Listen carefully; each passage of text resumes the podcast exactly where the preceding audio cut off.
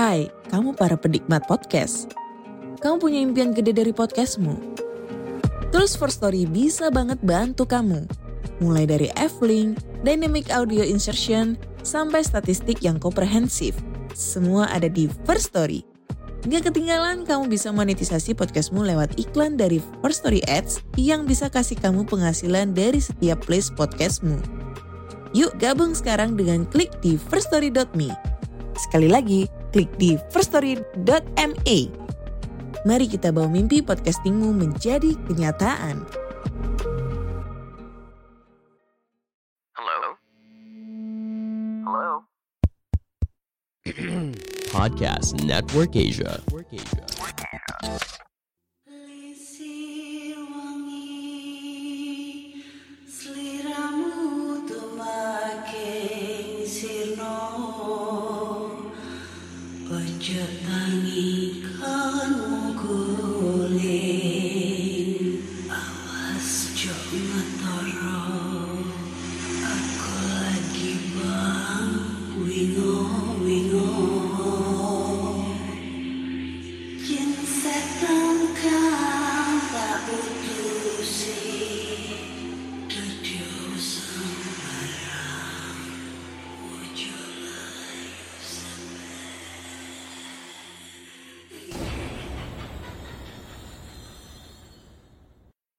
Hai Re, iya apa kabar Ketemu lagi dengan aku Zi Anda di podcast kisah horor.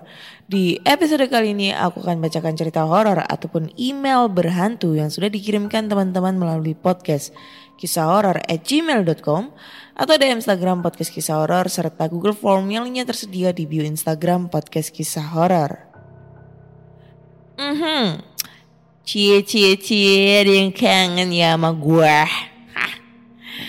Ada yang eh, nyari-nyari ini kenapa nggak update cerita horor terbaru? Udah mulai terbengkalai kah ini podcast? Hmm, jangan, jangan terbengkalai. Biar hati aku aja yang terbengkalai, podcast aku jangan. Karena ini adalah ladang cuan buat gue, ya. ya kemarin tuh lagi eh apa ya lagi enak-enaknya menikmati suasana cuaca hujan di sore dan malam hari ya sehingga tuh kalau udah eh, sore itu udah hujan hawanya jadi sejuk gitu kayak mager gitu loh buat buka laptop nyalain laptop habis itu buka aplikasi bacain cerita horor rekaman kayak gitu mager kayaknya ya Hah. Tapi karena sekarang udah banyak banget yang protes, ya udah mulai eh, banyak yang nge-DM eh, apa namanya suruh update cerita terbaru. Jadi mulai sekarang aku akan membacakan cerita horor nih buat teman-teman semua yang udah kangen ngedengerin suara gua ya. Tapi sebelum kalian mendengarkan cerita kali ini, jangan lupa juga kalian bisa juga dengerin nih podcast kita berdua antara gua sama Mr. Popo di podcast ada mereka di sekitar kita.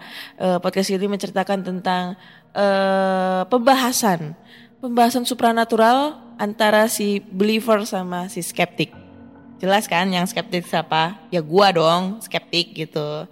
Nah, ini eh, podcast yang gua tunggu-tunggu selama ini karena gua bisa berkolaborasi dengan Mr. Popo dan juga eh, dari PNA dan A plus A Network As- eh, Singapura Asia. Jadi jangan lupa kalian dengerin di podcast ada mereka di sekitar kita di platform podcast kesayangan kalian di Spotify, Google Podcast, Apple Podcast serta di Noise. Setiap hari Jumat podcast ini bakal tayang ya. Nah, besok kan hari Jumat. Jadi jangan lupa didengerin, di follow biar kalian update cerita horor terbarunya itu dan jangan lupa nyalain tanda loncengnya ya. Oke. Jadi langsung aja kita bacain cerita horor pertama dan cerita ini judulnya adalah Tumbal Telapak Tangan. Assalamualaikum Kak Ana, bagaimana? Sehat? Saya Cumen Project dari kota Sukabumi. Wah Cumen lagi nih, udah lama gak kirim cerita ya. Kali ini saya akan menceritakan kisah horor yang dialami oleh teman lama saya. Nama di dalam cerita ini sudah disamarkan. Tanpa berlama-lama langsung saja ke cerita. Bangunan berlantai tiga dengan warna biru yang, terli yang terlihat telah memudar. Ada sedikit cat yang sudah mengelupas sehingga menampakkan warna asli bangunan itu. Bangunan yang sebenarnya adalah tempat dijualnya obat herbal dan berbagai jenis jamu itu memang agak jauh dari bangunan-bangunan lain. Seorang gadis remaja memandangi bangunan tersebut dengan raut wajah ragu. Toko obat dan jamu Lavin, Lavendis. Tulisan nama toko itu cukup besar dan jelas sehingga dari jarak yang cukup jauh dapat dibaca oleh remaja berambut lurus panjang yang masih berdiri tanpa bergeming. Tiba-tiba, Alika melangkahkan kakinya menuju toko itu dan masuk dengan perlahan seperti ada kekuatan yang menariknya untuk memasuki toko itu dengan segera. Matanya menyapu seisi toko di lantai satu, mencari karyawan di sana untuk bertanya. Herannya, tidak ada satu orang pun yang terlihat. Hanya ada sofa tua, deretan lemari yang berisi obat-obat, dan jamu.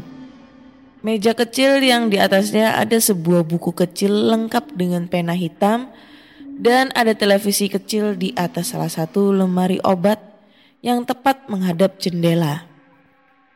Suasana sangat sepi, hanya detak jam jarum jam yang ber, yang terdengar. Gadis remaja bernama Alika itu merasakan suatu keganjalan. Assalamualaikum, permisi, apakah ada orang? Saya Alika, calon pegawai yang bekerja di toko ini. Seru Alika cukup keras berharap ada seseorang yang mendengar. Belum ada juga tanda-tanda keberadaan seseorang di sini. Alika memutuskan untuk duduk sebentar sambil menunggu. Sofa berwarna coklat gelap yang sekarang diduduki Alika sudah dimakan usia. Kulitnya banyak yang sudah terkelupas dan sofa itu tidak cukup empuk lagi bagi Alika. Alika masih tetap menunggu. Ia berpikir uh, mungkin pemilik toko ini sedang tidur siang di lantai dua atau lantai tiga. Karena di jam tangannya memang menunjukkan tepat pukul 2 siang. Jadi ngantuk juga. Keluh Alika sambil melemaskan tubuhnya mencari posisi yang enak untuk duduk di sofa tua itu. Kok seperti tidak ada pembeli ya? Sepi sekali. Katanya dalam hati.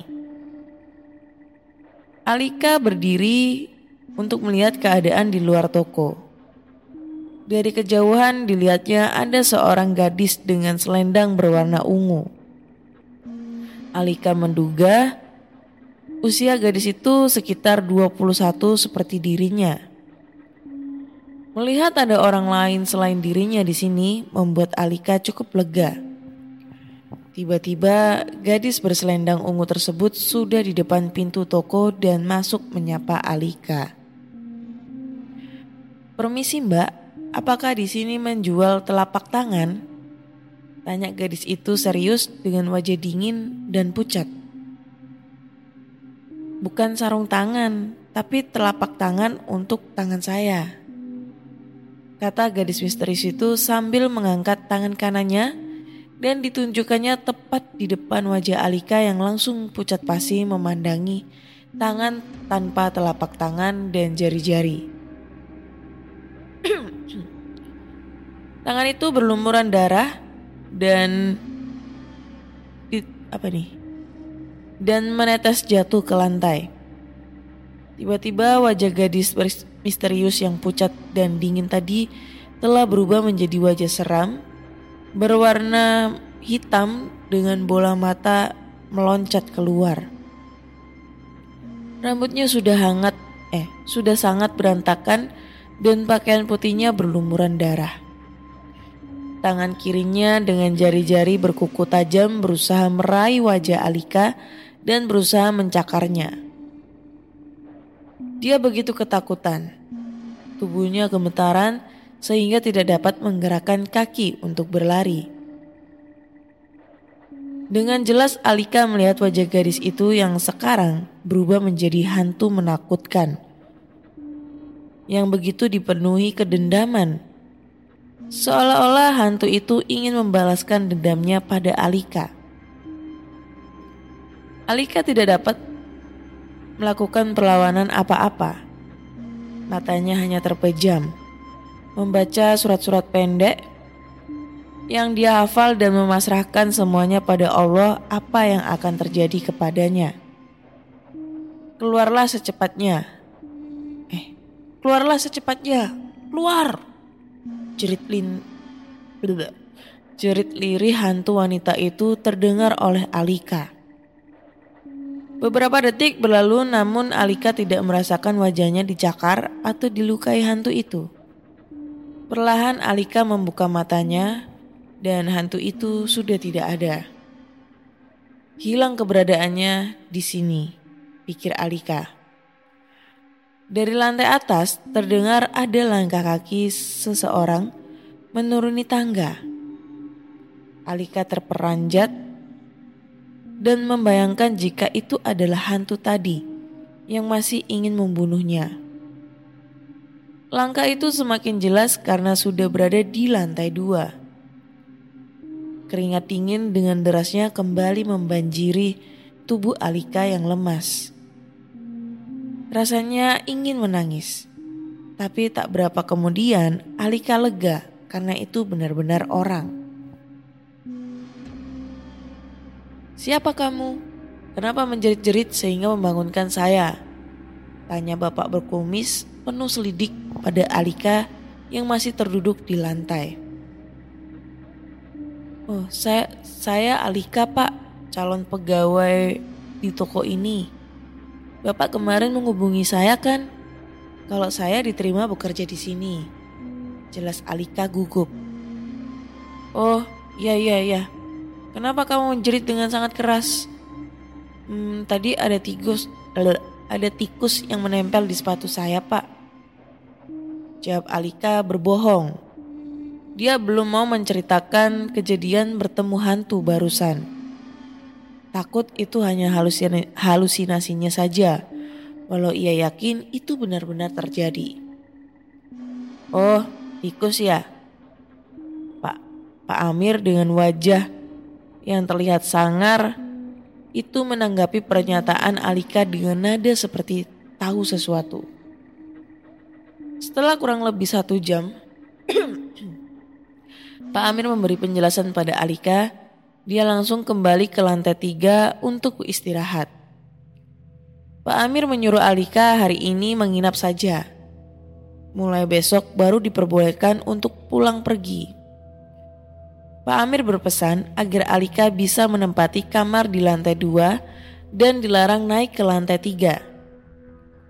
Sebenarnya Alika keberatan untuk menginap karena dia sangat tak nyaman dengan kondisi di toko ini. Tapi mau gimana lagi, Alika tidak mau kehilangan kesempatan untuk bekerja. Pukul setengah enam sore sudah membuat langit cukup gelap. Alika sedang duduk di dekat jendela kaca sambil memandangi langit di luar sana. Kamar ini cukup besar dan nyaman untuk Alika. Tempat tidurnya empuk dan ada kamar mandi dengan keramik berwarna hijau, warna kesukaannya. Alika belum memutuskan untuk tidur karena dirasanya tanggung. Karena setengah jam lagi azan maghrib. Sehabis sholat maghrib, nanti dia baru akan memejamkan mata dan tidur di atas kasur empuk dengan spray yang, ber, yang juga berwarna hijau. Sehabis menunaikan kewajibannya sholat maghrib, Alika ingin membaca Al-Quran. Tapi ternyata Al-Quran Alika tidak ada di dalam tasnya. Mungkin tertinggal di rumah karena memang tadi dia Karena memang dia tadi pergi dengan terburu-buru. Alika hanya berzikir dan berdoa meminta perlindungan pada Allah agar tidak terjadi apa-apa dengan dirinya di sini. Pukul setengah enam sore sudah membuat langit cukup gelap. Eh, salah sih. sorry, sorry. Tepat pukul 12 malam, Alika terbangun. Dia mendengar suara berisik di lantai tiga. Suara yang seperti tertahan. Tolong.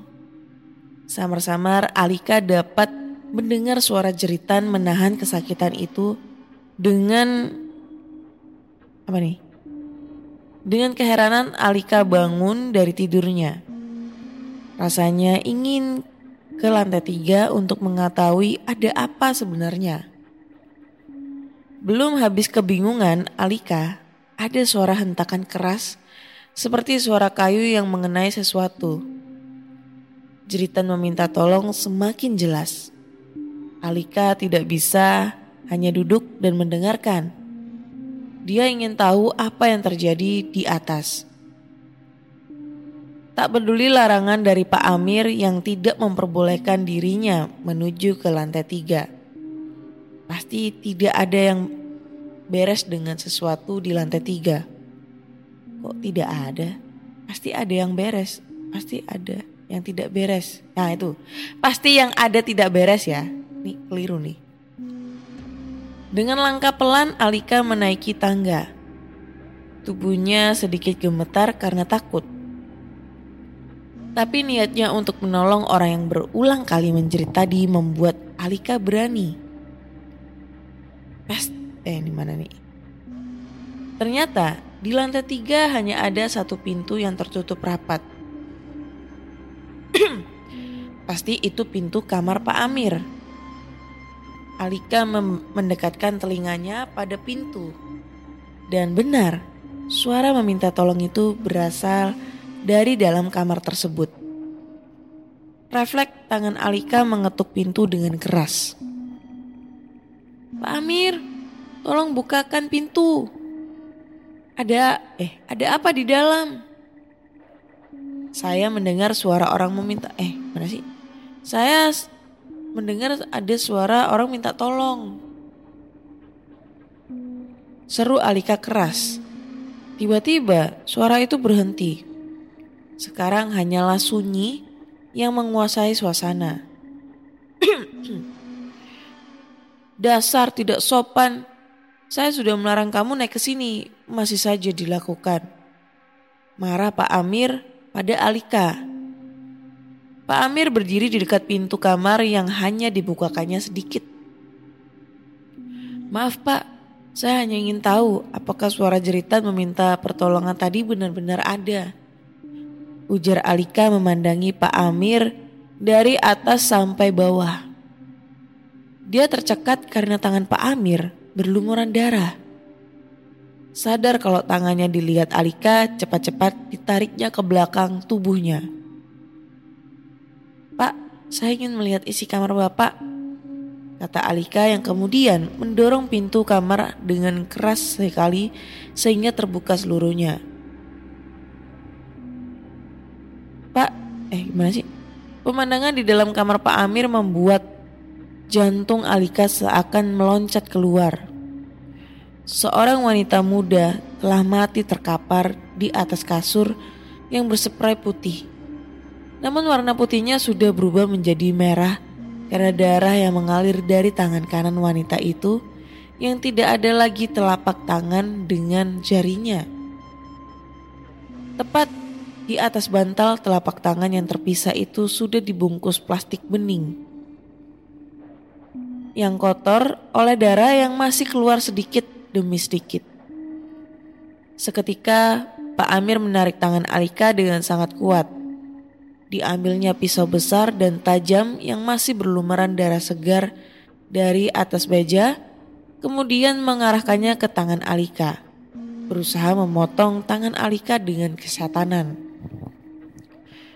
Biadab kau, rasakan apa yang telah terjadi pada wanita itu juga. Dan wanita-wanita lainnya. Jerit Pak Amir yang sekarang telah berubah menjadi pembunuh yang begitu keji. Alika memandang tepat di bawah perut Pak Amir dan ia bisa terlepas dari cengkraman tangan manusia tak, berhati, tak berhati tersebut. Cepat-cepat Alika berlari menuruni tangga sampai ke lantai paling bawah. Pintu kamar dikunci, Alika ketakutan. Ia ingin segera keluar dari toko ini. Tapi semua pintu terkunci. Jendela kaca sudah dipecahkan namun terali besi menghalanginya untuk bisa keluar. Dia menjerit-jerit meminta pertolongan. Berharap ada orang lewat dan mendengar ceritanya. Tapi keadaan di luar sangat gelap dan sunyi. Alika menangis membayangkan sebentar lagi Pak Amir akan memotong tangannya yang pasti akan mengenai urat nadinya dan pada akhirnya nasibnya akan sama seperti wanita yang tadi dilihatnya. Mati dengan mati dengan tak layak. Terdengar langkah Pak Amir menuruni tangga sambil memanggil-manggil namanya. Alika, kamu tak akan bisa kabur dari sini. Tak ada yang bisa lolos dari saya. Telapak tanganmu yang halus dan cantik itu akan menjadi telapak tangan yang ke-10 untuk saya santap. Kemarikan tanganmu cantik. Saya berjanji akan memotong dengan perlahan jika kamu tidak berontak. Dasar orang gila. Mana ada orang yang rela memberikan tangannya pada iblis seperti kamu, riak Alika marah. Kini Pak Amir berada di hadapannya dan siap-siap mengayunkan pisau tajam ke arah tangan Alika. Alika berhasil mengelak, hanya lengannya sedikit tergores dan mengeluarkan darah segar. Alika berlari menghindar ke arah belakang sambil menahan darah yang keluar dari lengannya dengan sapu tangan. Dia terus berdoa dan berdoa. Hanya Allah yang dapat menolongnya. Ia yakin itu. Jika memang harus mati, ia berarti sudah menjadi takdirnya. Eh, itu berarti sudah menjadi takdirnya. Hmm, Oke. Okay. Terdengar jeritan keras. Alika menoleh ke belakang dan perlahan menuju ke depan. Pandangan menakutkan menghiasi penglihatannya. Sungguh tak dapat dipercaya namun ini nyata dilihat Alika. Hantu wanita yang menakutinya siang tadi kini mencakar-cakar tubuh Pak Amir. Beberapa saat kemudian mulai bermunculan hantu-hantu wanita lainnya. Yang kesemua yang kesemuanya berpakaian putih penuh darah dan tangan kanan tanpa telapak dan jari. Salah satu dari mereka memotong dengan sadis kedua tangan Pak Amir. Pak Amir menghembuskan nafasnya yang terakhir seiring melemahnya jeritan kesakitannya. Hantu-hantu itu menghilang dan pintu tiba-tiba terbuka. Alika keluar dari toko itu sambil menjerit dan berteriak. Entah sampai ke mana ia akan lari, Alika tak tahu. Di tengah jalan Alika pingsan tak sadarkan diri. Perlahan mata Alika terbuka. Dia berada di ruangan serba putih dan berbau obat-obatan. Seorang suster tersenyum padanya dan Alika membalas senyum itu dan meringis ketika dirasakannya sakit di lengan tangan kanannya yang sekarang telah diperban. Tenang dulu ya Alika, istirahat saja karena kamu baru sadar dari pingsan semalaman. Kata suster dengan lembut pada Alika uh, Papa dan Mama Alika yang berada di sana langsung memeluk anak mereka dengan tangis haru. Mereka sangat bersyukur karena Alika berhasil selamat dari pembunuhan sadis oleh Pak Amir yang dulunya adalah dokter di rumah sakit ini. Ketika Pak Amir bertemu dengan seseorang yang mengajarkannya ilmu hitam, Pak Amir berhenti menjadi dokter dan dia menghilang tanpa berita. Uh, ah nih, Pak Amir membuka toko obat dan jamu yang tidak pernah mau melayani pembeli. Membangun toko itu hanyalah salah satu cara Pak Amir untuk mendapatkan tumbal tangan 10 orang wanita yang akan diambil sebatas pergelangan tangan saja guna membuatnya awet muda dan kaya tanpa usaha. Dia sengaja memasang iklan di koran tentang lowongan pekerjaan khusus wanita muda agar dengan mudah ia dapat menjebak para wanita itu. Ajaran sesat di depan didapat Pak Amir dari seseorang yang sekarang entah ada di mana itu membuatnya kehilangan akal sehat dan berakhir tragis terhadap dirinya sendiri. Karena roh-roh sembilan wanita yang berhasil dibunuhnya itu ternyata membalas dendam. Oke. Saat Alika pingsan di tengah jalan, ia ditemukan segerombongan polisi yang baru pulang dari dinas dan polisi-polisi curiga karena lengan Alika terluka cukup dalam dan masih mengeluarkan darah. Para polisi itu pun mengikuti jejak Alika mendengarkan penjelasan kedua orang tuanya yang masih memeluk erat dirinya. Pagi ini toko ini toko itu sudah diamankan polisi sayang. Mayat wanita-wanita muda yang dibunuh itu akan segera dimakamkan, begitu juga dengan mayat Pak Amir. Kata ibu berbisik di telinga Alika. Terima kasih kepada Kak Ana yang membacakan cerita dari teman saya. Maaf Kak Ana bila di dalam penulisan terjadi tipe, salah tanda baca atau kurang bisa difahami. Saya juga meminta maaf kepada Kak Ana karena sudah absen cukup lama, dikarenakan satu, dua, dan lain hal.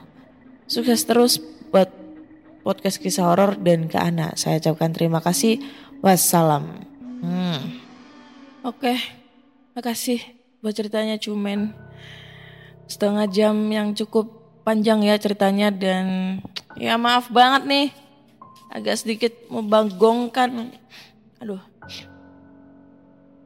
Kalau menurutku ini karena pendengar podcast kisah horor pasti paham ya kalau gue tuh tipikal orang suka ngebacain cerita yang ketikannya itu real bukan ketikan kayak novel atau ketikan karangan gitu loh. Maksudnya maksudnya karangan dengan kayak bahasa-bahasa uh, lebih ke disempurnakan gitu. Kayak novel-novel gitu. Aku paling nggak seneng. Kayak apa ya? Kayak bukan cerita horor melainkan kayak gue ngebaca novel. Dan sebenarnya cerita kayak gini itu uh, bukan nggak apa ya? Maksudnya agak kurang cocok masuk di podcast kisah horor cerita kayak gini itu bagusnya dibikin kayak audiobook. Nah itu audiobook itu bagus banget cerita kayak gini. Tapi kalau tipe kalau podcast kisah horor kayak kurang masuk gitu karena emang kurang serak di akunya. Udah ba sebenarnya banyak banget sih cerita cerita-cerita yang seperti ini macamnya kayak santet tiga generasi itu ya. Ini santet umbal telapak tangan gitu kan.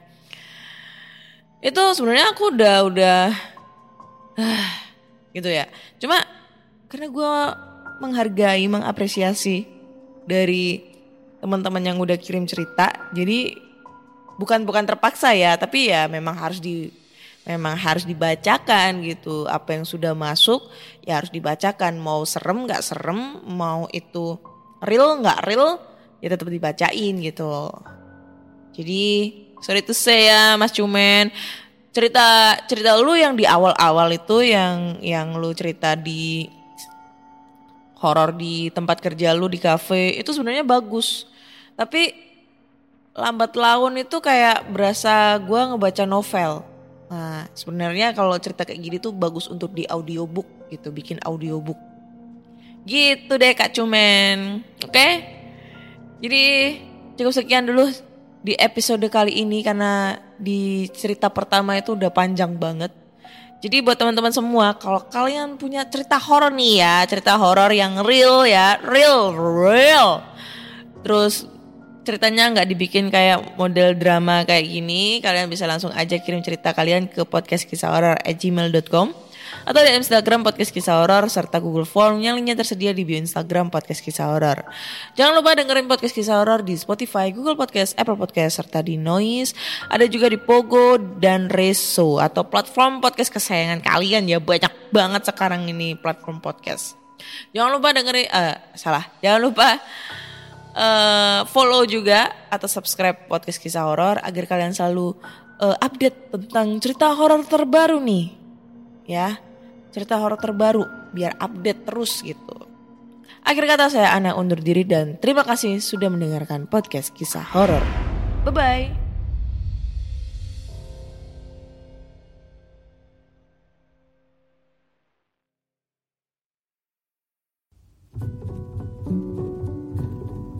Pandangan dan opini yang disampaikan oleh kreator podcast, host, dan tamu tidak mencerminkan kebijakan resmi dan bagian dari podcast Network Asia. Setiap konten yang disampaikan mereka di dalam podcast adalah opini mereka sendiri dan tidak bermaksud untuk merugikan agama, grup etnik, perkumpulan, organisasi, perusahaan, perorangan, atau siapa pun dan apa pun.